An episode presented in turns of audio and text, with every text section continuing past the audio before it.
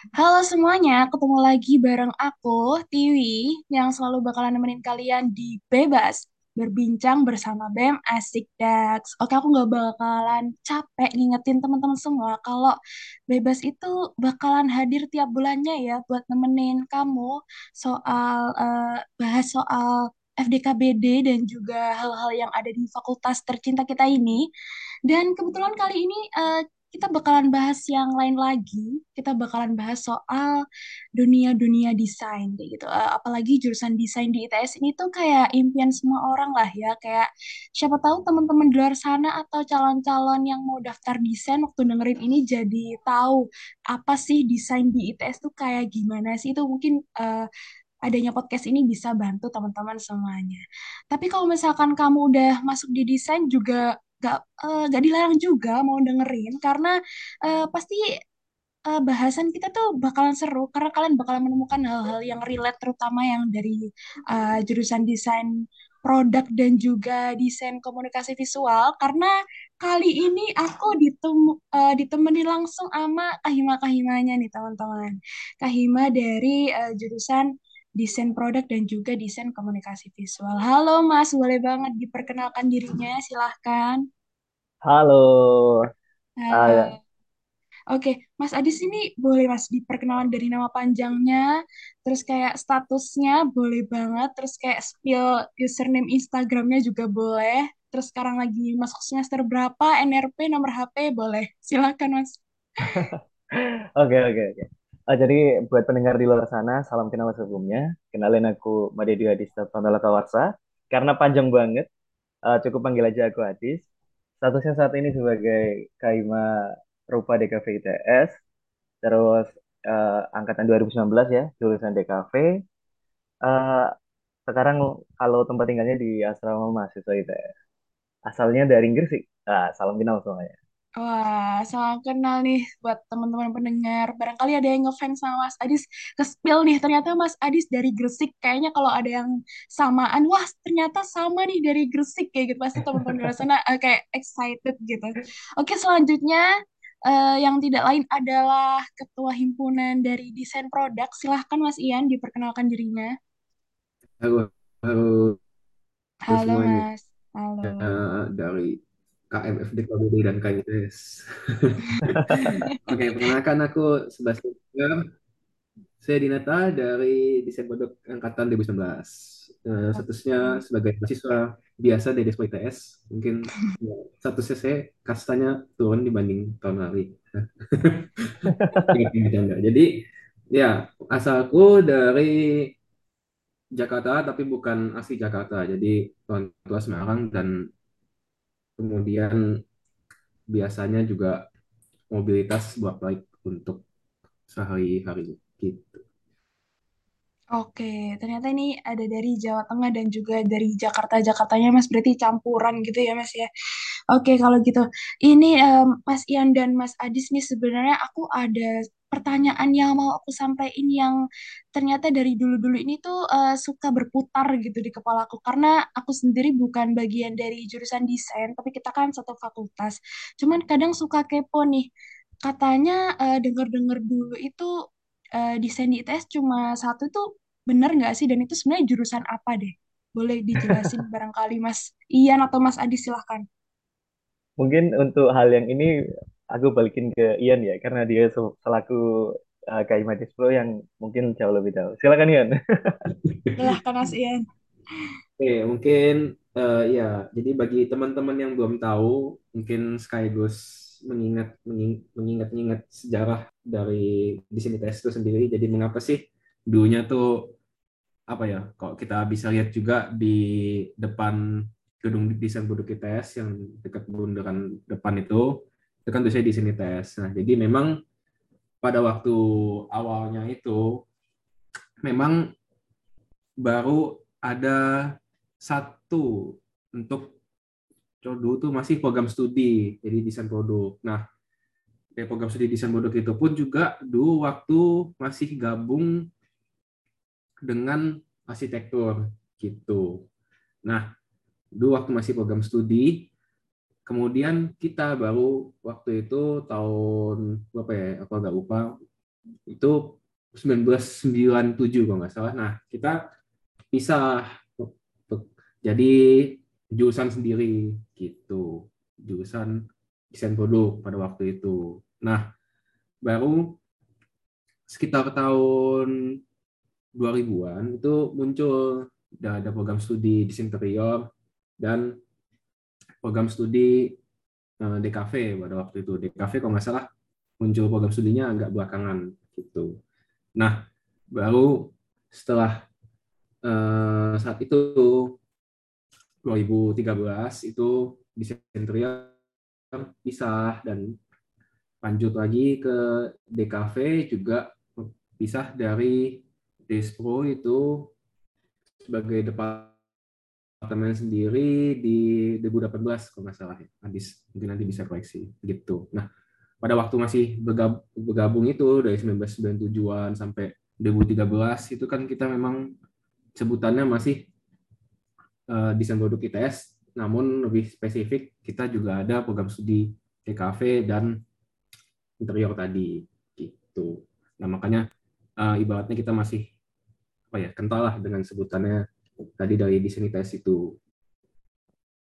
Gitu. Oke oke, ini baru tahu banget nih, nih jujur baru tahu uh, detik ini juga kalau ternyata desain di ITS itu cuma satu tuh bener-bener baru tahu barusan sih mas. Uh, terus untuk uh, apa namanya kayak waktu dipisah sendiri itu pasti kayak ada uh, rasa-rasanya tuh kayak ada yang pecah gitu kan uh, meskipun nggak uh, pecah-pecah banget sih meskipun secara lokasi juga deketan tapi gitu tuh rasanya gimana sih mas kayak uh, mas barangkali kayak kerasa uh, desain di pisah itu oh ternyata kayak gini enak gak enaknya tuh ada nggak mas kira-kira? Oke, okay. mungkin ini aku coba jawab ya kalau iya, dari iya, pandanganku. Karena aku pas itu sama Ian juga masuknya bareng kan 2019 yang walaupun pada saat itu notabene jurusan kan sebenarnya udah kepisah ya. Tapi karena kita pada saat itu ya OKKPK bareng, terus ada pengkaderan bareng dan kegiatan-kegiatan lainnya bareng di mana notabene angkatanku sama angkatan Ian dulu itu kan masih bisa dibilang bareng lah untuk di tahun-tahun pertamanya.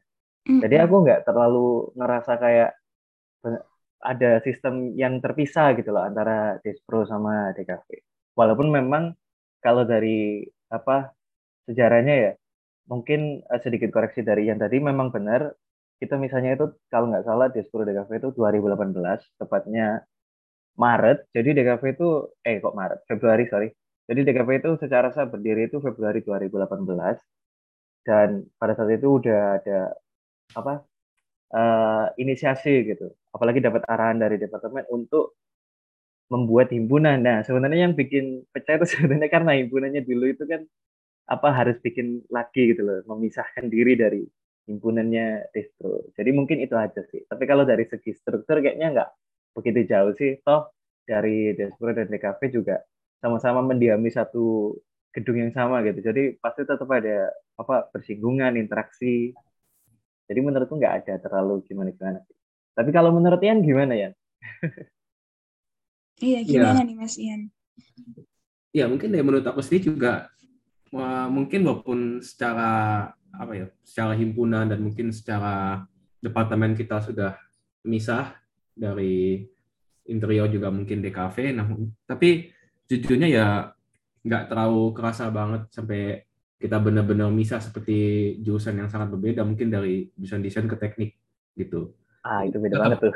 Nah jadi kita tetap berkesinambungan juga dari antar uh, mahasiswa desainer pun tetap sering ketemu terus sering ini juga juga uh, apalagi ini juga udah offline ya jadi makin sering berinteraksi lah gitu. Kan kita juga berdekatan gitu antara tiga desain ini. Walaupun mungkin Triau pun sekarang juga udah punya gedung sendiri namun tetap sering kok bikin acara bareng. Masih seperti ibaratnya masih banyak lah dari acara-acara desain ITS juga yang masih diselenggarakan tiap tahunnya mungkin gitu.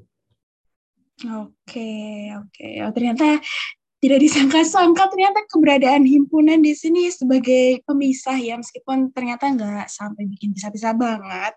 Oke ngomongin soal himpunan nih Mas Adis dan Mas Ian. Kan sekarang menjabat sebagai ketua kan, ketua himpunan. Uh, nanya deh, kenapa kok mau jadi ketua? Mas Adis dulu deh, silakan. Ini pertanyaan yang sedikit eksistensial ya. Iya. Ini amanah-amanah gitu deh mas. Ini pertanyaan-pertanyaan yang uh, uh, request dari orang-orang gitu. Oke oke.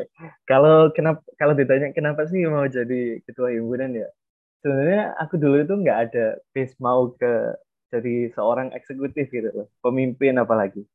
Dulu itu aku kan tipikal orang yang suka nyoba-nyoba berbagai macam hal lah. Jadi kayak di uh, di kerohanian pernah nyoba gitu kan. Terus di LSM mungkin kalau teman-teman tahu apalagi kan uh, aku juga salah satu mahasiswa bidik misi gitu.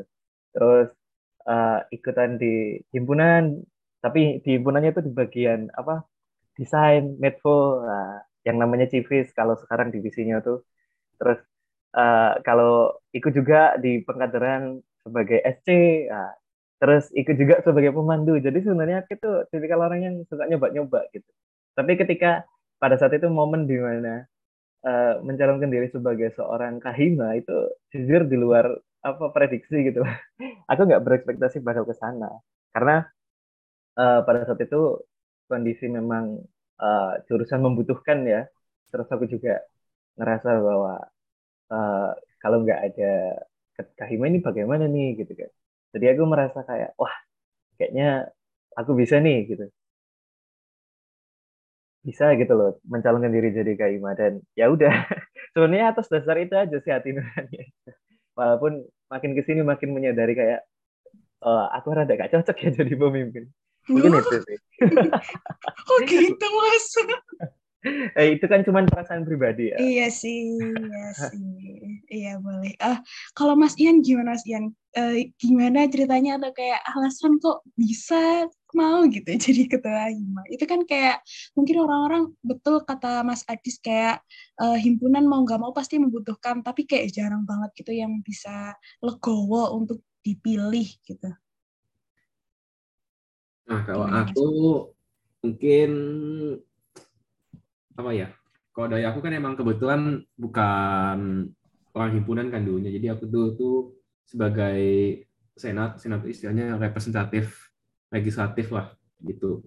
Uh, dari jurusan dari departemen desain produk gitu. Itu sebab itu di aku sebagai senat di BLMF eh BLMI sorry. Badan Legislatif Mahasiswa ITS gitu. Jadi aku di lingkup institut dulunya itu bukan di departemen. Nah, emang sorry, emang kebutuhan aja kalau dari aku itu ya ibaratnya ingin apa ya, udah cukup lah untuk mencari ilmu di lingkup institut, di organisasi lingkup institut untuk tak terapin mungkin di departemenku, jadi di HMD gitu. Jadi ibaratnya ya kalau bisa dibilang ada mungkin beberapa ya dari teman yang bilang, wah uh, ibaratnya pengen cari muka atau ingin nambah apa ya ibaratnya nambah buat CV enggak sih enggak ke situ. Aku lebih ke arah ya ibaratnya ingin memajukan dari HMD ku sendiri aja gitu dari Hima itu. Halo. Halo guys Halo. Ya, teman kita kedatangan uh, orang desain satunya ya. Halo Mbak Nadia Amalia. Halo, siapa nih Aprilia? Saya hostnya Mbak. Saya yang mau nanya-nanya ke Mbak. Oh, oh my God. Oke, okay, shit. Lanjut. Oke, oke, oke. Mas Ian udah selesai belum Mas Ian yang tadi mau dijelasin? Udah, udah. Intinya aku gitu Oke, okay, udah. Oke, okay, ini karena kebetulan uh, Hima, uh, Kak Hima desain interior, which is desain satunya, udah datang. Halo, mana dia? Halo, halo. Ayo, mana dia ini kok bisa telat? Alasannya apa? Ayo, mana dia? Nggak diajak sama Asa. Parah. Parah Basap ini ini harus dituntut ini KBMF-nya ini. Emang mau buat podcast gak bilang-bilang kurang ajar. Oke, Mbak Nadia, eh, sebelum kita lanjut lebih jauh lagi, Mbak Nadia boleh banget memperkenalkan diri Mbak Nadia dari jurusan apa? Oh, mungkin jelas desain interior ya, tapi kayak eh, Mbak dari eh, angkatan berapa, terus kayak NRP-nya berapa, hobinya apa, nomor HP, username Instagram, ID line, boleh banget disebutin, Mbak. Ah, aku deg-degan kok tiba-tiba jadi sangat formal ya teman-teman. Emang iya? Enggak sih, Emang enggak iya? sih. Iya, anjir. Oke. Hai semua, aku Nadia Amalia, selaku Ketua HMDI, NRP 0841 triple 0, eh, 000 28. Disebut dong. IG Nadia ZRD, Line Nadia ZRD, semuanya sama. Jadi salam kenal. Oke, salam kenal teman-teman. Eh, Mbak Nadia dari mana deh, Mbak? Eh, asal kotanya? Aku tuh dari tadi dari kota which is which is yang kamu sebutin. Oh, Jakarta. Yes, Jakarta. Oh my God, sama banget kayak Mas Ian. Iya, Pak Ian mah setengah Jawa. Iya sih, iya sih. Ian Jawir. Ini Mbak, eh, karena tadi aku barusan nanya ke Mas Ian Mas Adis, kayak kok mau jadi Kahima? Sekarang gedean deh nanya ke Mbak Nadia. Mbak Nadia kenapa Ini mau jadi Kahima? dulu nih. Ini ada ininya nggak apa kayak apa yang tidak boleh disebutkan? Apa yang Ini bahaya banget, astagfirullah. Aduh Mbak, nggak apa-apa Mbak. Ini kan podcast, jadi bisa dipotong. Don't worry, be happy. Udah akhir kepengurusan Nat, udah akhir kepengurusan Nat. Oh, oh my God, tadi sini bahaya banget. Oke, jadi pertama aku pengen jadi kahima itu karena aku melihat suatu keresahan. Jadi, jadi aku tuh resah kok ini anak-anak mageran banget gitu loh buat ikut organisasi. Padahal yang aku lihat tuh organisasi itu sebenarnya seru, tapi efek pandemi lah ya. Aku tuh pengen bawa yang asik yang kayak nyantai nggak usah kayak berpaku proker harus berhasil gitu loh aku pengen yang penting anak-anak tuh kayak aman enjoy tentram jalaninnya kalau misalnya memberat ya udah aku nggak aku ketua yang nggak banyak nuntut kok kayak ya udahlah yang penting asik. Kalau lu suka ya gas aja gitu. Akhirnya aku kayak merasa eligible sama kuncinya tuh aku sama semua orang ya pas sama ma- pas maba tuh. Jadi kayak ah, aku tuh kayak sama semua orang kayak "Ah, hai hai gitu. Habis itu Hmm. maju ke Hima akhirnya didukung sama angkatanku. Tapi mungkin sekarang aku kan rada apa ya udah rada sibuk TA jadi kayak udah agak pasif udah ngangong-ngengong jadi ketua jadi udah ngangong-ngengong aku nggak bilang, aku nggak bilang. iya ini Mas Adis nih ngelihat. Sorry. Kita berlima tuh udah nggak waras gitu. Apalagi asap ini. Kasihan banget. Ya itu aja sih paling. Aku eh, paling yang aku ngeliat keresahan sama aku merasa aku tuh emang mampu untuk mempersatukan semua orang anjay Oke, iya dong harus harus kayak gitu Mbak. Emang kalau Jawa tuh emang harus penuh optimis karena apa yang kita ucapkan itu mengandung doa gitu. Kayak siapa tahu ada malaikat di sebelah Mbak yang lagi ngaminin gitu karena memang Masya Allah. memang sepantas itu kayak gitu. Terus kita masuk ke pertanyaan selanjutnya. Ini santai-santai aja ya Mas Mbaknya. Waktu mimpin eh, biasanya ada kendala apa? Kayak mungkin ada target-target dari Mas Mbaknya yang dari periode-periode sebelumnya tuh ingin dicapai gitu, tapi ternyata sampai, sampai sekarang masih struggling gitu, ada nggak? Kalau ada boleh banget diceritain. kalau tuntutan paling kayak KPI-nya sih anak-anak kadang buatnya terlalu tinggi atau gimana nah itu kesulitan buat mereka sendiri tapi overall eh tuntutan-tuntutan kayak gitu tuh gak banyak ya kalau di desain kok alhamdulillahnya manut-manut aja tapi mungkin yang terakhir itu tentang arak-arakan sama wisuda sih kan maklum ya para wisudawan tuh mau yang wah udah offline nih ya udah gas gitu. Jadi kayak kan kita masih transisi dan di sana kita cukup kesulitan banget buat balikin nih offline yang offline banget gitu loh. Hmm. Sedangkan peraturan dari rektor sendiri, EWR itu banyak yang berubah-ubah. Terus kita banyak deh, banyak banget miskom yang terjadi karena tuntutan tersebut, tapi kita ngejalin ngejalaninnya tetap enjoy. Hmm, iya. Eh, ini apa jangan-jangan Mas Adis dan Mas Ian memiliki kendala yang sama seperti Mbak Nadia? Kalau tadi yang diomongin Nadia sebenarnya itu bukan kendala cuman dari desain interior ya. Menurutku semua sih. Soalnya kayak Ah, iya, iya kayak serius. arak-arakan gitu kan udah jadi problem. Mungkin nggak cuma dari desain ya, fakultas sampai institut menurutku juga uh, punya kendala yang sama gitu. Karena balik lagi, tadi kan Nadia sempat nyebutin ya, karena uh, peraturan dari atas itu kayak berubah-ubah terus gitu kan. Jadi awalnya kita apa katanya drive thru lah wisudanya, terus uh, boleh uh, offline, terus uh, arak-arakan nggak boleh. Nanti kalau ada arak-arakan ada sanksi, terus ganti nama Hmm. lagi jadi karnaval dan lain-lain sebagainya. Jadi kayak ah gimana gitu. Apalagi kan Hmm. persiapan untuk arak-arakan itu kan juga butuh waktu ya. Kalau kita nggak Mm-mm. dapat kepastian gitu kan kita jadi bingung gitu. Misal kayak kemarin itu dari DKV sih kita udah nyiapin ya. Tapi untuk menunggu kepastiannya itu hamin dua minggu baru dapat kepastian kalau oh boleh nih untuk arak-arakan atau tanda kutip karnaval gitu lah ya. Nah, jadi di situ kita harus nyiapinnya itu cepet-cepetan gitu. Aduh, gimana nih, gimana, gimana nih? Koordinasi juga sama uh, Despro, Desin. Gimana nanti mau bareng apa enggak nih arak-arakannya dan lain sebagainya. Bla bla bla bla. Ya itu sih kendalanya yang sebenarnya men- menurutku sama aja sih dari Despro dan Desin. Kalau dari Asli. Despro gimana, Yan? Kayak aku ya sama sih kurang lebihnya kayak tadi. Jadi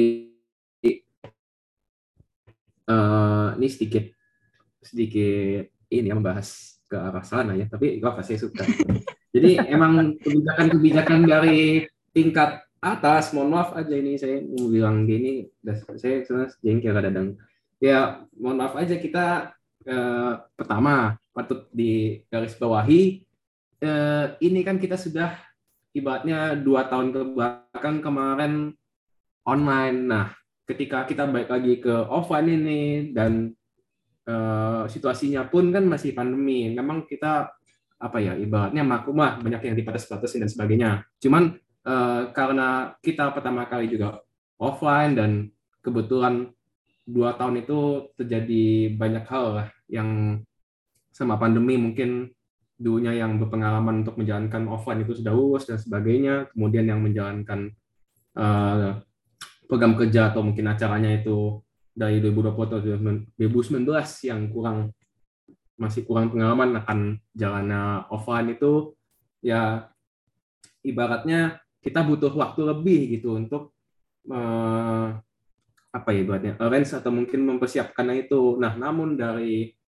eh, apa ya terkadang dari edaran rektor dan sebagainya atau mungkin dari wakil rektor dari ditmawan dan sebagainya eh, oke lah kita paham itu untuk tujuan baik. Cuman kadang dari segi waktu atau segi timeline itu terkadang terlalu mepet. Nah sehingga dari kita mempengaruhi juga untuk ke acaranya itu sendiri dengan tuntutan dari mungkin mahasiswanya terutama dari mahasiswa angkatan tinggi maupun mungkin angkatan atas yang udah seru nih kita balik lagi ke offline. Namun karena banyak pembatasan dan sebagainya malah mempengaruhi dari acaranya itu. Nah sayangnya sih di situ gitu. Hmm, oke ini semoga eh, podcastnya didengar oleh Bapak pip pip pip gitu ya Pak. Mohon jangan eh, kasih pengumumannya suka mendadak karena ternyata persiapan seperti itu susah gitu. Kayak menyambut wisudawan dan wisudawati itu perlu hal-hal yang istimewa. Kalau dari aku sendiri dari jurusan studi bangunan kurang relate ya Mas Mbak. Emang kayak belum ada lulusannya juga. Eh, Mas Rehan Prakasa barangkali mendengar ini, semoga cepat lulus karena saya juga mau ngerasain arak-arakan ya Mas, semangat sempronya dan lain-lainnya. Waduh, waduh, waduh. Meskon. Iya ini Meskor dan juga untuk mbak-mbak lainnya karena kebetulan Mas Rehan kan orang BMF, Mbak. Jadi eh, Mas, jadi kayak Ini pesan aja kayak gitu. Oke, untuk selanjutnya mau nanya lagi. Uh, pernah nggak selama memimpin himpunan ini ada masalah yang bikin stres banget sampai kayak aduh aku menyesal sudah menginjakan kakiku di himpunan ini kayak gitu ada nggak Mas Bar? Ian. Ian. Ian, ayo Ian. Ini merujuk ke Ian ya. ya yang paling yang paling sering sambat tuh Ian. Waduh. Mas Ian boleh dong Mas di-spill Mas. Topiknya ada ada. Gimana ya?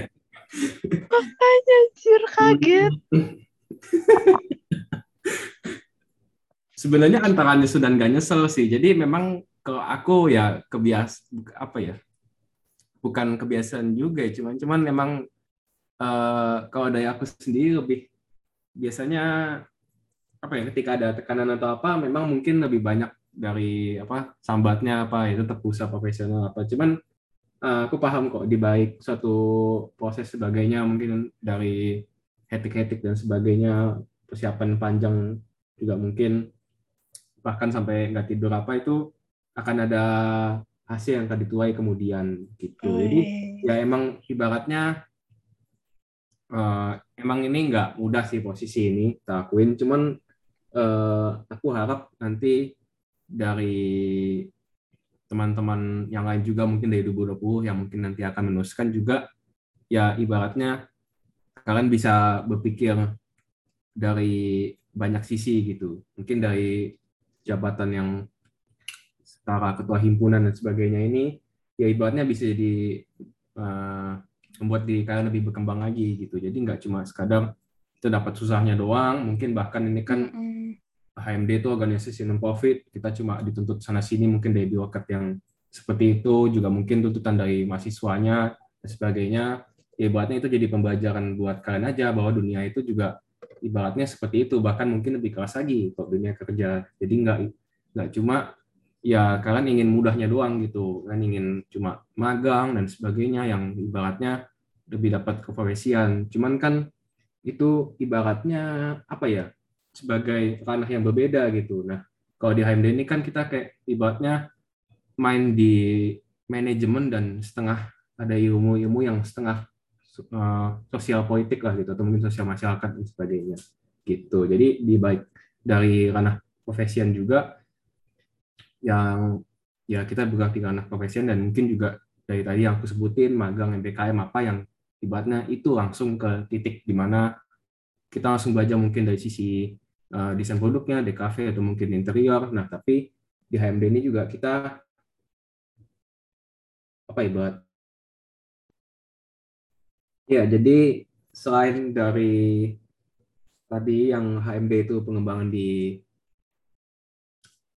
bidang manajerial kan ada juga tuh yang tadi yang sudah mungkin aku sebutkan MBKM terus magang independen dan sebagainya nah cuman itu kan emang lebih nyasar ke langsung ke ranah keprofesian gitu. Jadi kita langsung belajar apa sih mungkin dari ilmu-ilmu desain produk yang kita bisa terapkan ke magang itu dan sebagainya. Memang terkadang beberapa ya dapat apa ibaratnya imbalan lah berupa uang gitu.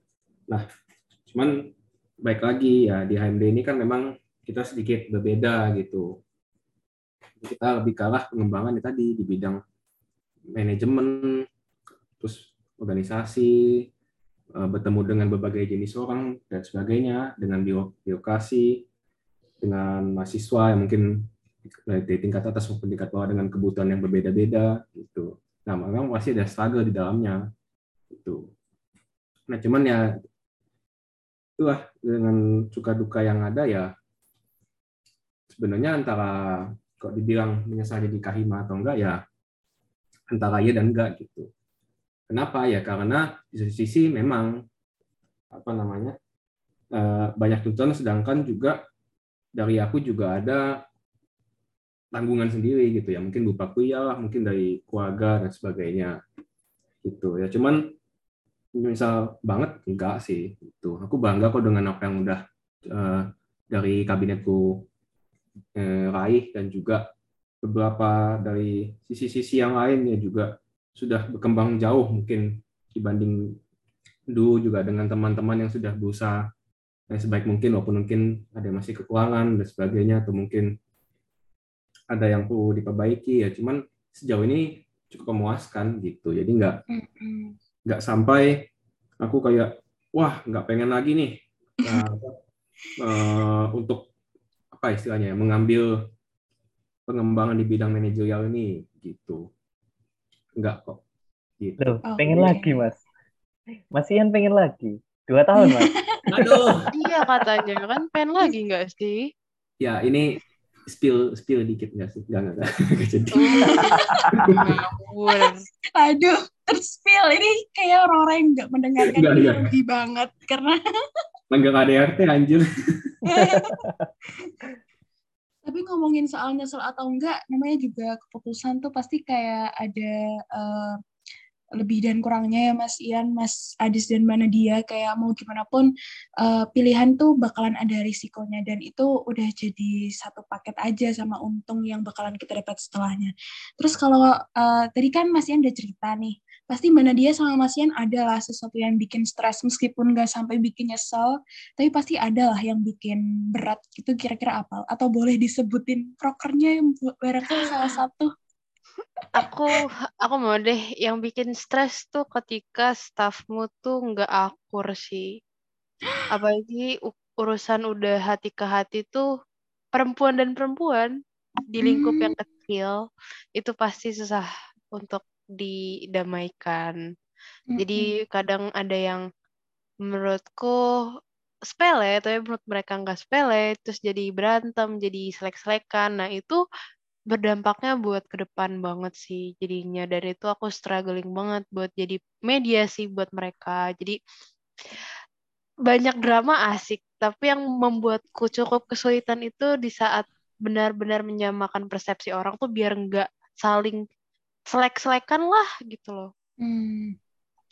itu paling yang susah yang oh iya aku mau curhat sedikit sih penyesalanku. Boleh bukan, boleh, boleh. eh bukan ada. bu, ada ada. Tapi bukan sebagai uh, bukan sebagai kahima ya. Tapi keputusanku yang aku ambil setelah menjadi kahima. Contohnya aku ngambil MBKM MSIB jadi kan aku magang di luar kota tiga eh, empat sampai lima bulan di Jogja. Nah itu kan berarti aku away dari Surabaya karena walaupun tetap iya. aku bisa acara besar ke sana tapi dengan ketidakhadiranku di kampus itu ternyata sangat lumayan berefek gitu loh. Jadi kayak oh Kahimanya jarang di kampus, wah Ruhimnya nggak ada yang ngajak karena biasanya yang ngajak ke Ruhim itu aku gitu dan anak-anak hmm. juga kayak biasa aja gitu. Tapi aku denger gitu loh kayak iya nggak ada kamu tuh kayak sepi dan itu suatu penyesalan yang sangat amat aku sesali, tapi aku juga berpikir jangan sampai kamu ngorbanin akademik kamu, karir kamu karena himpunan juga. Jadi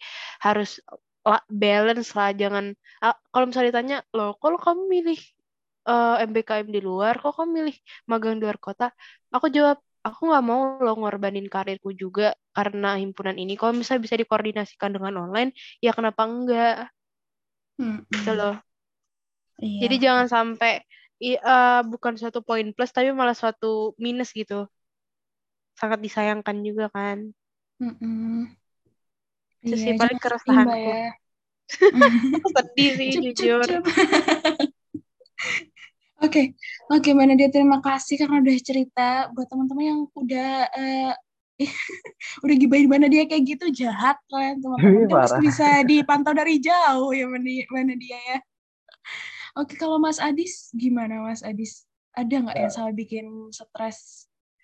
Kalau aku bikin stres itu nggak nggak seberapa sih. Mungkin kalau dari kinerja fungsio yang ada di Himarupa DKV menurutku udah oke okay gitu loh. Walaupun kadang kala uh, kayak tadi ya yang disebutin sama Ian karena kita juga peralihan dari online ke offline jadi teman-teman juga masih meraba-raba nih.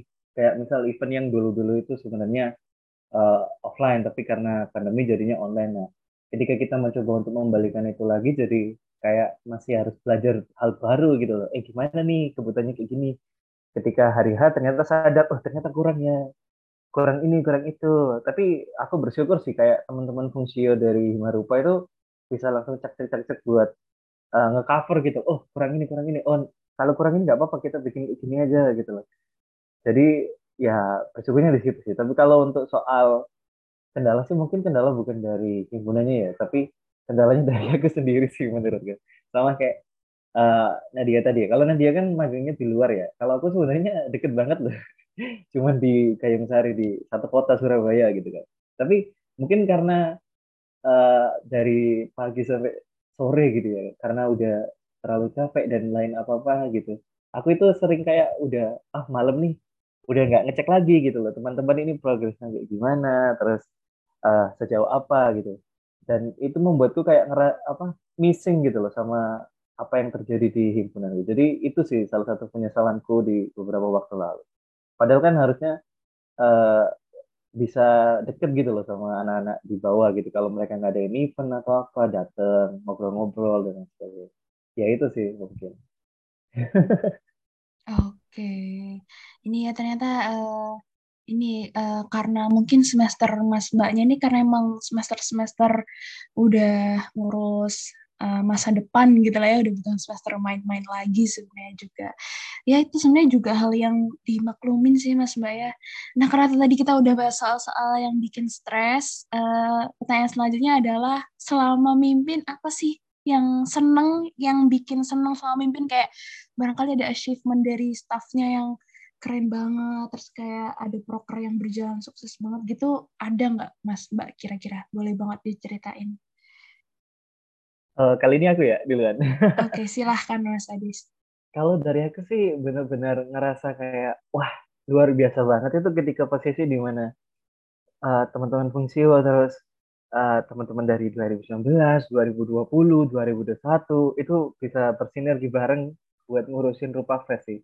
Kayak Rupa Fest kemarin itu benar-benar anjir gila banget gitu. Walaupun karena ini jujur merupakan event offline pertama dari Himarupa ya atau DKV ya? Semenjak uh, sebelum-sebelumnya itu kita kan masih sering gabung gitu loh sama Hima Ide kayak dulu saya ingat tuh ada kayak seribu satu ide gitu kan. Terus ada apa event gabungan antara uh, Hima Ide sama Himarupa dulu namanya Desain Market yang kebetulan aku juga ketua pelaksananya ketika pandemi online dulu. Jadi ketika sekarang bisa apa dari DKV itu ngebikin event offline ya ini event tahun kedua sih tahun sebelumnya itu online. Tapi itu bener-bener kayak wah bisa ya ternyata kita bikin event offline gitu. Terus ngelihat teman-teman tiap angkatan itu dapat perform gitu di hari terakhir buat penutupan itu bener-bener totalitas gitu tak lihat. Ternyata keren-keren ya anak-anak di cafe gitu loh. Dan itu merupakan suatu apa ya pencapaian tersendiri kayak bangga banget gitu. Bukan soal bangga ke diriku maupun himanya tapi bangga sama anak-anak jurusan aja sih dan itu luar biasa mungkin itu Oke, ini untuk uh, teman-teman DKV ada uh, kebanggaan nih dari Kahimanya karena teman-teman udah keren banget bisa bersinergi ngurus Rupa Fest. Karena kalau dari aku sendiri juga ya Mas ya uh, curcol aja. Sebenarnya kalau lihat angkatan atas terus kayak angkatan selanjutnya angkatan selanjutnya tuh kalau misalkan deket terus kayak so sweet kayak lihatnya tuh kayak adem gitu-gitu tuh emang sebenarnya lega banget di hati kayak gitu. Nah, Kalau Mbak Nadia gimana Mbak Mbak Nadia? Waduh, apa ya? Jujur, aku ngerasa uh, apa ya paling proker yang menurutku oke okay, uh, spasial kita tuh online sih. Jadi kan hmm. kalau bisa di DKV kan rupa face, kalau spasial kita online sayangnya. Terus uh, apa ya? mungkin yang paling buat aku uh, merasa bangga itu arak-arakan kemarin sih. Hmm. Kayak aku hmm. aku mendapat vibes ya sebagai bangga akan menjadi part of ITS. Ide kayak bangga gitu ngawal wisudawan juga ya kalau kayak teriak-teriak di jalan lah itu kayak menambah SOB apa ya di bener bener bener tau mau bener ya terus akhirnya eh, ini sih eh, kita makin dekat lagi satu desain. Tapi oh aku mau nge-spill something nih Eh dari boleh. arak-arakan. Tahu nggak sih Yan? Dis, itu kan yang kalian lihat kan ada instalasi yang dibawa. Nah, instalasi itu kan yang buat mabanya interior, tapi yang naruh benderanya itu ada di Cafe Badespro. Terus warga aku itu kayak ada yang ini maksudnya apa? Kenapa ada bendera itu loh gitu loh. Eh, Ayo, Nadia. Mas Ian, Mas Adis. Eh, tahu nggak sih? Tahu nggak sih? Kan kemarin itu sebenarnya kita itu udah punya rute sendiri-sendiri kan. Maksudnya kayak urutannya itu kan eh, beriringan gitu kan. Di sebelah ini interior, terus ini ada TKP, terus belakang ada Despro, DKV juga. Nah, entah kenapa itu pas apa instalasinya itu kan di mobil pick up gitu kan. Hmm, Itu yang bawa bendera apa Hima Ide sama Hima Rupa itu disuruh naik gitu loh. Aku juga Iya. bingung. Kenapa nggak disuruh naik gitu kan? Nah, Makanya. karena gara-gara itu apa terlalu ke depan yang iring-iringannya Hima Rupa gitu loh. Jadi wisudawan kita kan Hima Rupa DKV kan di belakang banget kan. Jadi mereka itu nggak ngelihat apa-apa, cuman di awal-awal doang. Iya. Iya tahu yang desain juga ada yang di belakang wisudawannya. Soalnya kayak jeepnya lama gitu, tapi yang lain udah pada ngebut depan. Makanya. Makanya aku kan kemarin kan ke belakang kan. Papasan sama kamu itu aku ke belakang. Karena aku pengen biar kelihatan gitu. Mas mbak ini mbak masih ada saya. Tolong ketinggalan. Kasihan banget. Gak tega. Oke. Itu kayaknya eh, Mbak kayak tercetus rasa bangga sebagai anak kita karena berkali-kali vivat kan ya waktu eh, arak-arakan gitu. Eh, terus untuk eh, Mas Ian, ada nggak Mas yang tadi kan udah cerita soal yang bikin stres. Kalau yang bikin seneng selama mimpin Hima ada nggak Mas? Mas Ian? Eh, kalau aku ya, jadi kalau dari aku sendiri sih nggak ada secara spesifik eh, suatu apa ya, mungkin program kerja atau agenda apa dari himpunan ya. Cuman di sini aku pengen nge-highlight bahwa semua yang udah dijalanin, kemudian dari awal juga jalannya Himaide yang Kabinet 2022 ini juga tak arahin buat semuanya offline, itu menurut aku sudah ya suatu langkah perubahan dan juga gerakan yang bagus dari teman-teman semua di Desko terutama maupun mungkin juga ada bantuan-bantuan juga dari elemen luar termasuk PKV dan Desin gitu. Jadi ibaratnya dari awal kita sudah menjalankan himpunan dengan mungkin berbagai drama dan offline juga mungkin dari berbagai halangan lah yang ada. Ya ibaratnya udah sangat bagus gitu. Terutama nanti diharapkannya juga ya dari antara angkatan bisa saling bersinergi ya buat untuk suatu acara apa kayak mungkin subuh satu ide yang nanti akan dijalankan untuk Desember nanti dan sebagainya gitu.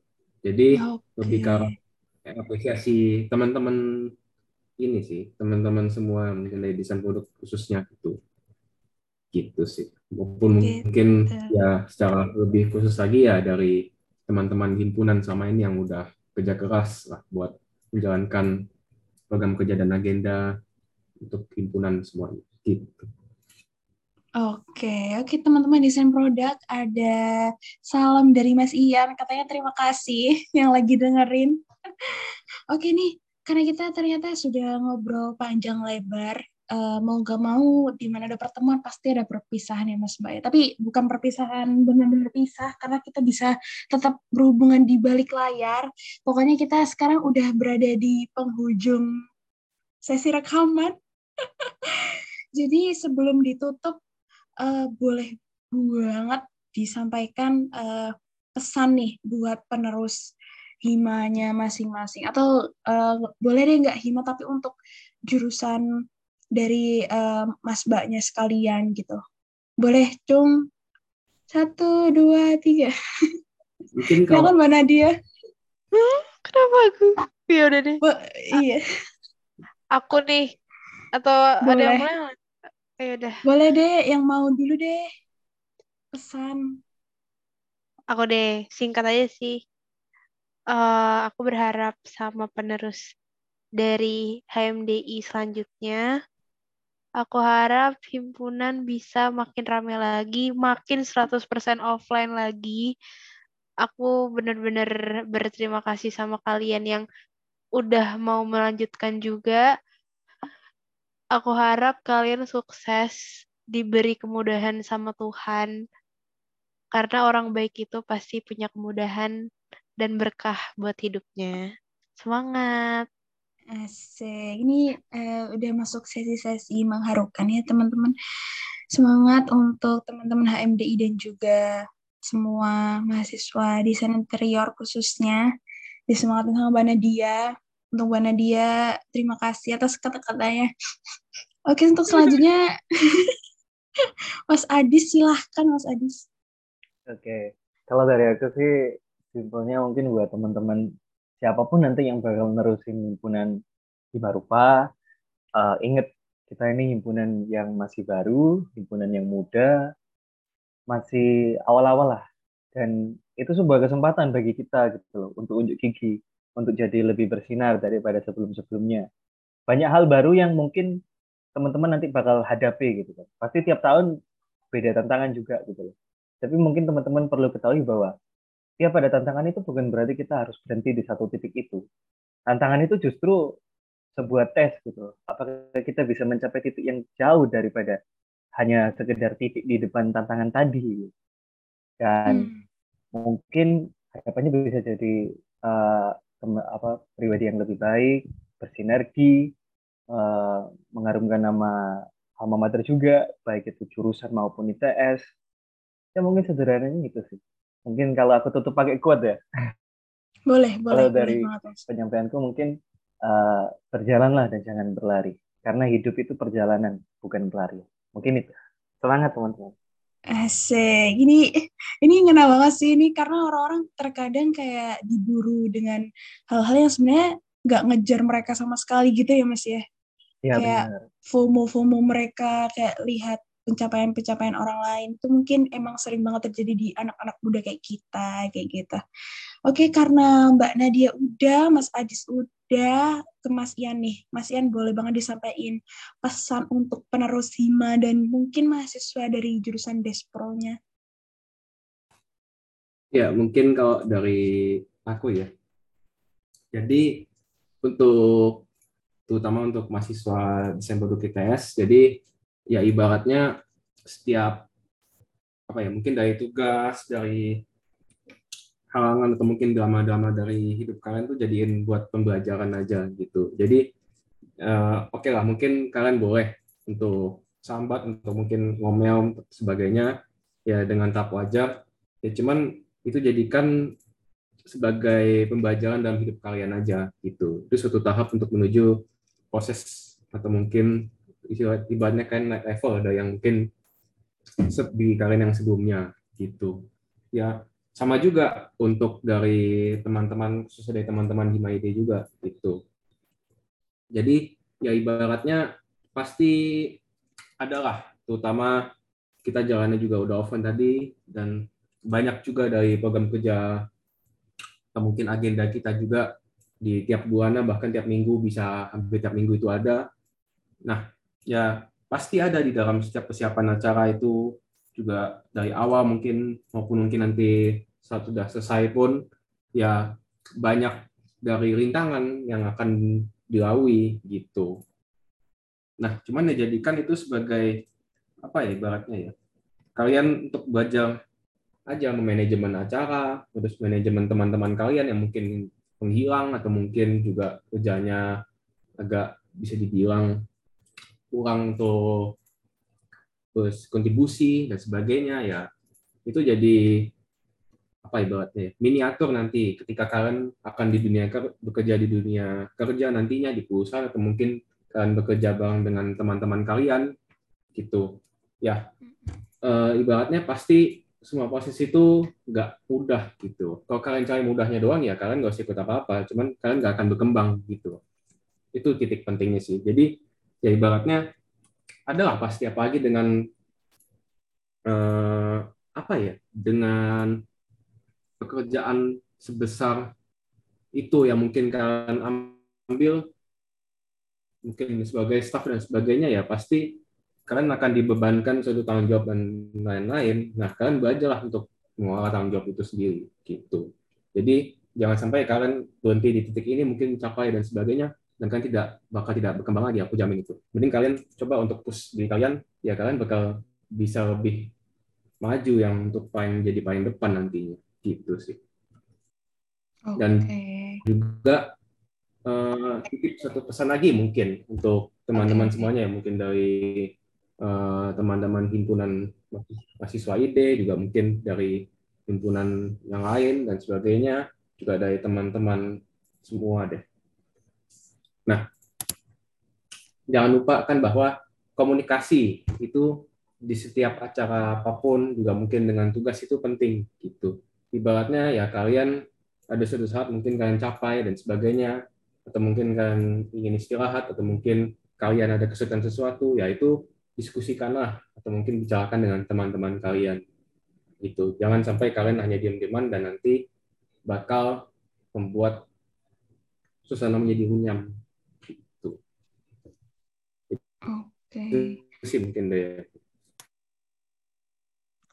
Oke, okay, thank you Mas Ian. Ah, bener ya kata Mas Ian ini soal komunikasi itu emang sepenting itu. Kalau misalkan nggak disampaikan ya orang yang kita maksud juga nggak bakalan tahu dan itu berlaku ke semuanya juga gitu. Uh, Oke, okay. ini uh, ternyata mau gak mau kita harus berpisah, Mbak Mas ya. Uh, sebelumnya aku mau ucapkan terima kasih banyak dan mohon maaf banget. Ternyata pertanyaannya cukup men-trigger Mbak Masnya. Aku juga nggak nyangka sebenarnya ternyata sedikit mengagetkan Mbak Masnya juga. Uh, aku di sini uh, menyampaikan pertanyaan-pertanyaan yang sebenarnya udah berputar di kepalaku dari lama sebagai anak yang di luar desain sebagai anak SP yang hitungannya sama-sama jurusan baru yang belum ada lulusannya. Nah, itu kepo banget kalau misalnya lihat anak desain tuh kayak ini keren banget, mana kayak uh, anak desain tuh kan kayak kelihatan nyentrik gitu, kayak kelihatan uh, eye catching gitu, kayak orang-orang tuh kayak wow, kayak kayak lihat wah keren gitu. Itu selalu uh, itu yang terpatri di kepalaku sih kalau lihat anak desain kayak gitu. Oke teman-teman, uh, sekian. Waduh, waduh, waduh, waduh. Ini sebenarnya sebelum kita tutup, kita kayaknya kedatangan iklan, teman-teman. Karena uh, desain lagi ada uh, proker Komunex. Betul atau betul ya, Mbak Masnya? boleh oh, deh kalau misalkan mau promosi promosi proker boleh banget nih teman-teman. Mungkin aku mau wakili teman-teman desain ya. Uh, jangan lupa buat teman-teman 2021 maupun 2022 dan angkatan lainnya, silakan hadir ke Komunex yang diselenggarakan dari komunitas yang ada di DKV, Despro, dan juga Desain Interior. Untuk tanggalnya, kapan, Nadia? kapan nih, Mbak? Berapa? eh, berapa? 28 ya? Berapa? Uh, Oke, okay, cut, cut, cut. Oke, okay, itu cut untuk tanggal berapa nih dia? Aku jawab ya. Oke, okay. 29 Oktober teman-teman, jangan lupa datang. Yeay.